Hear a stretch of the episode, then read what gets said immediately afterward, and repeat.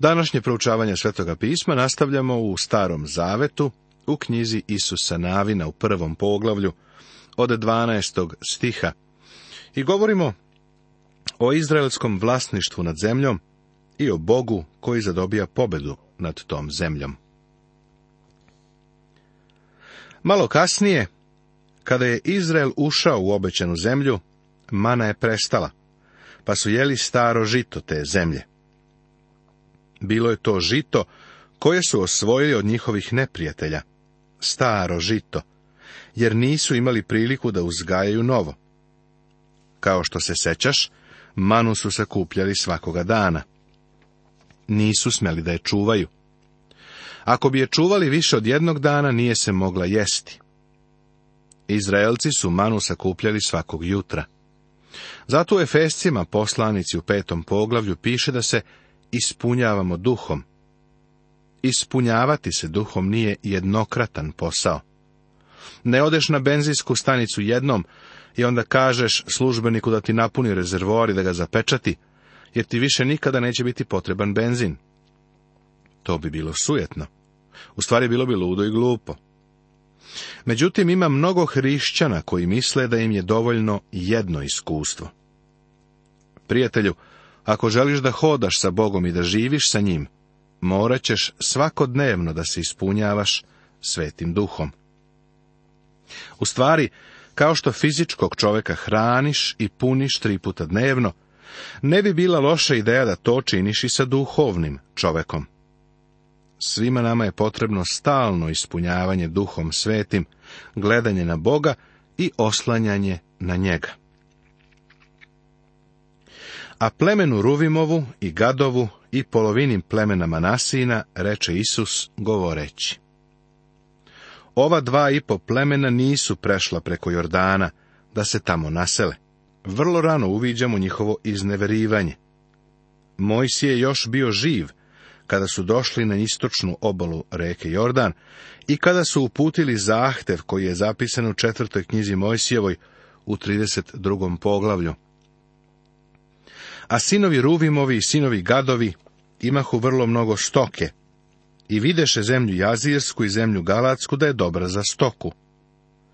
I došavši sinovi Gadovi i sinovi Ruvimovi, rekoše Mojsiju i Eleazaru svešteniku i knezovima od zbora, govoreći. Ako smo našli milost pred tobom, neka se ta zemlja dade slugama tvojmu nasledstvo, nemoj nas voditi preko Jordana. Ovo je bio određen zahtev koji su uputila dva i po plemena. Tražili su zemlju na pogrešnoj strani reke Jordan. Opomenite se šta vam je zapovedio Mojsije, sluga gospodnji, rekav, Gospod Bog vaš smiri vas i dade vam ovu zemlju. Žene vaše, deca vaša i stoka vaša neka ostanu u zemlji koju vam dade Mojsije, sa ove strane Jordana. Vi pak pređite pod oružjem pred braćom svojom, koji ste god za vojsku i pomozite im. Dokle ne smiri gospodi braću vašu kao vas, i naslede i oni zemlju koju im daje gospod Bog vaš. Pa se onda vratite na nasledstvo svoje koje vam je dao Mojsije, sluga gospodnji, sa ove strane Jordana ka istoku i držite ga. Isus navinih podsjeća da im je Mojsije dozvolio da žive na istočnoj obali Jordana, pod uslovom da njihova vojska pomogne ostalim plemenima da zauzmu svoju zemlju na zapadnoj obali reke. Oni su se sa tim složili. A oni odgovoriše Isusu govoreći, što si nam god zapovedio činit ćemo, i kuda nas god pošlješ, ići ćemo slušat ćemo te kako smo slušali Mojsija. Samo neka gospod Bog tvoj bude s tobom, kao što je bio sa Mojsijem. Ko bi se protivio tvoje zapovesti i ne bi slušao reči tvojih u svemu što mu zapovediš, neka se pogubi. Samo budi slobodan i hrabar. Možda postavljaš pitanje, šta je loše u tome da se živi na istočnoj obali Jordana? da li je od suštinske važnosti da se pređe preko reke? Zar istočna obala Jordana nije deo obećane zemlje? Ovo su umesna pitanja i zahtevaju da pogledamo deo iz Svetog pisma u kome se govori o prelasku preko Jordana. Ukratko ćemo to uraditi. Prelaženje preko reke Jordan je bilo simbolično predstavljanje smrti i vaskrsenja Isusa Hrista. Međutim, ni pod kakvim uslovima ono ne predstavlja našu fizičku smrt. Često pevamo onu staru pesmu Na burnim obalama Jordana stojim. Za početak nisu to burne struje ni burne obale. Samo je Hristos bio prikovan za krst i visio je tamo, podnoseći sve bure suda za greh. Kada su bure suda pale na njega, pale su na nas. Reka Jordan govori o posvećenju ili o očišćenju od greha, a Hristova smrt je bila za naše posvećenje. U knjizi o sudijama vidjet ćemo da su dva i po plemena napravila ozbiljnu grešku, kada su ostala na pogrešnoj strani, reke Jordan. Također, kada je Hristos prešao preko Galilejskog mora i došao u Gadarensku zemlju, našao je jevreje koji su gajili svinje. Počeli su tako što su ostali na pogrešnoj strani Jordana. Mnogi hrišćani danas gaje svinje i osjećaju se osujećeno. Ovo pod navodnicama. Treba da uđu u odmor koji im je gospod obezbedio svojom smrću i vaskrsenjem. Poglavlje drugo. Tema. Susret uhoda sa ravom. Ovde se upoznajemo sa ženom vrlo sumnjivog karaktera. Bila je prostitutka, zvala se Rava. Izvanredna činjenica je to što je ona u Novom Zavetu nabrojana sa onima koji se obično nazivaju herojima vere – Verom rava bludnica ne pogibe s nepokornima, jer primi uhode sa mirom, kaže 31. stih 11. poglavlja poslanice Jevrejima. Ne volim da o 11. poglavlju poslanice Jevrejima razmišljam kao o herojima vere na način na koji se ističu ljudi. Želeo bih da na veru stavim naglasak. Muškarci i žene koji su tu zapisani ilustruju oslikavaju šta je vera činila u svim vremenima i pod svim okolnostima njihovog života. Za nas to znači da vera isto može i za nas da učini, kada vidimo kako smo okruženi tolikim svedocima. Još jedna izuzetna činjenica jeste to da se Rava nalazi u Hristovom rodoslovu, Novi Zavet započinje tim rodoslovom, a onda pročitaš pet stihova Novog Zaveta i stigneš do imena ove žene. Kako je ona dospela u Hristov rodoslov? Verom. Kao što vidiš, poglavlje koje je pred nama upoznaje nas sa jednom izuzetnom ženom. A Isus, sin Navin, posla iz sitima potajno dve uhode, rekavši im, idite, vidite zemlju i Jerihon. I oni otidoše i dođoše u kuću jednoj kurvi, kojoj beše ime Rava, i počinuše onde. Primeti da su poslate dve uhode ili dva špijuna. Možda misliš da je to greška. Pre su slali uhode da vide da li se može ući u zemlju. Sada uhode šalju da ne da vide da li da uzauzmu zemlju, već da iznađu najbolji način da u zemlju uđu. Vidiš, cilj je potpuno drugačiji. Rava stanovnice Jerihona svoj dom otvara za ove uhode. Ali bi javljeno caru Jerihonskom i kazano, evo, ljudi dođoše ovamo noćas između sinova Izraeljevih da uhode zemlju. I posla car Jerihonski kravi i poruči, izvedi ljude koji su došli k tebi i ušli u tvoju kuću, jer su došli da uhode svu zemlju. Ali žena, uzevši ona dva čoveka, sakri ih. Pa reče, jest istina da su ljudi došli k meni, ali ja ne znah odakle behu. I kad se vrata zatvarahu u sumrak, ljudi iziđoše, ne znam kuda otiđoše. Idite brzo za njima, stignućete ih. A ona ih beše izvela na krov i sakrila ih pod lan netrven, koji veše razastrla po krovu. I ljudi pođoše za njima u poteru put Jordana do broda, i vrata se zatvoriše kad iziđe potera za njima. Rava je svom caru saopštila otvorenu laž, da bi zaštitila ove ljude. Čineći to, ona u suštini svoj život ugrožava, izlaže opasnosti. Zašto bi se ona dovela u taj položaj? Nije morala. Usput da kažem, ona je u poslu koji ide. Zašto je lagala svoj narod i zaštitila neprijatelje? Pre nego što dobiješ odgovor na ovo pitanje, dozvoli da postavim još jedno pitanje. Da li je moguće zaboraviti ili oprostiti, makar prevideti ravin postupak? Sveto pismo nam jasno iznosi činjenicu da mi kao Božija deca treba da budemo poslušni vlastima, koje vladaju nad nama. Rava svakako nije to učinila.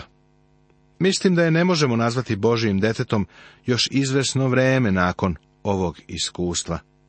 To je moje objašnjenje. Međutim, postoji još jedno objašnjenje koje ja smatram značajnim za nas danas. Vernik svakako treba da bude poslušan vlastima i onima koji nad nama vladaju. Hrišćanin treba da bude građanin koji najviše u zemlji poštuje zakon. Ali kada se zakoni države sukobe sa objavljenom Božijom voljom, tada hrišćanin nema izbora, već mora da posluša Božiju zapovest.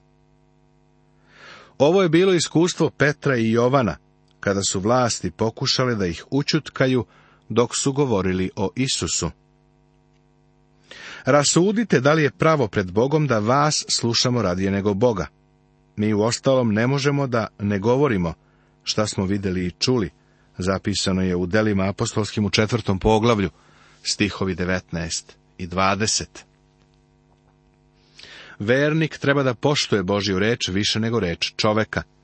To treba da bude stav dece Božje. Sada ćemo dopustiti Ravi da odgovori na prvo pitanje. Zašto je lagala da bi zaštitila neprijatelje? Oni pak još ne behu pospali, a ona dođe k njima na krov i reče im.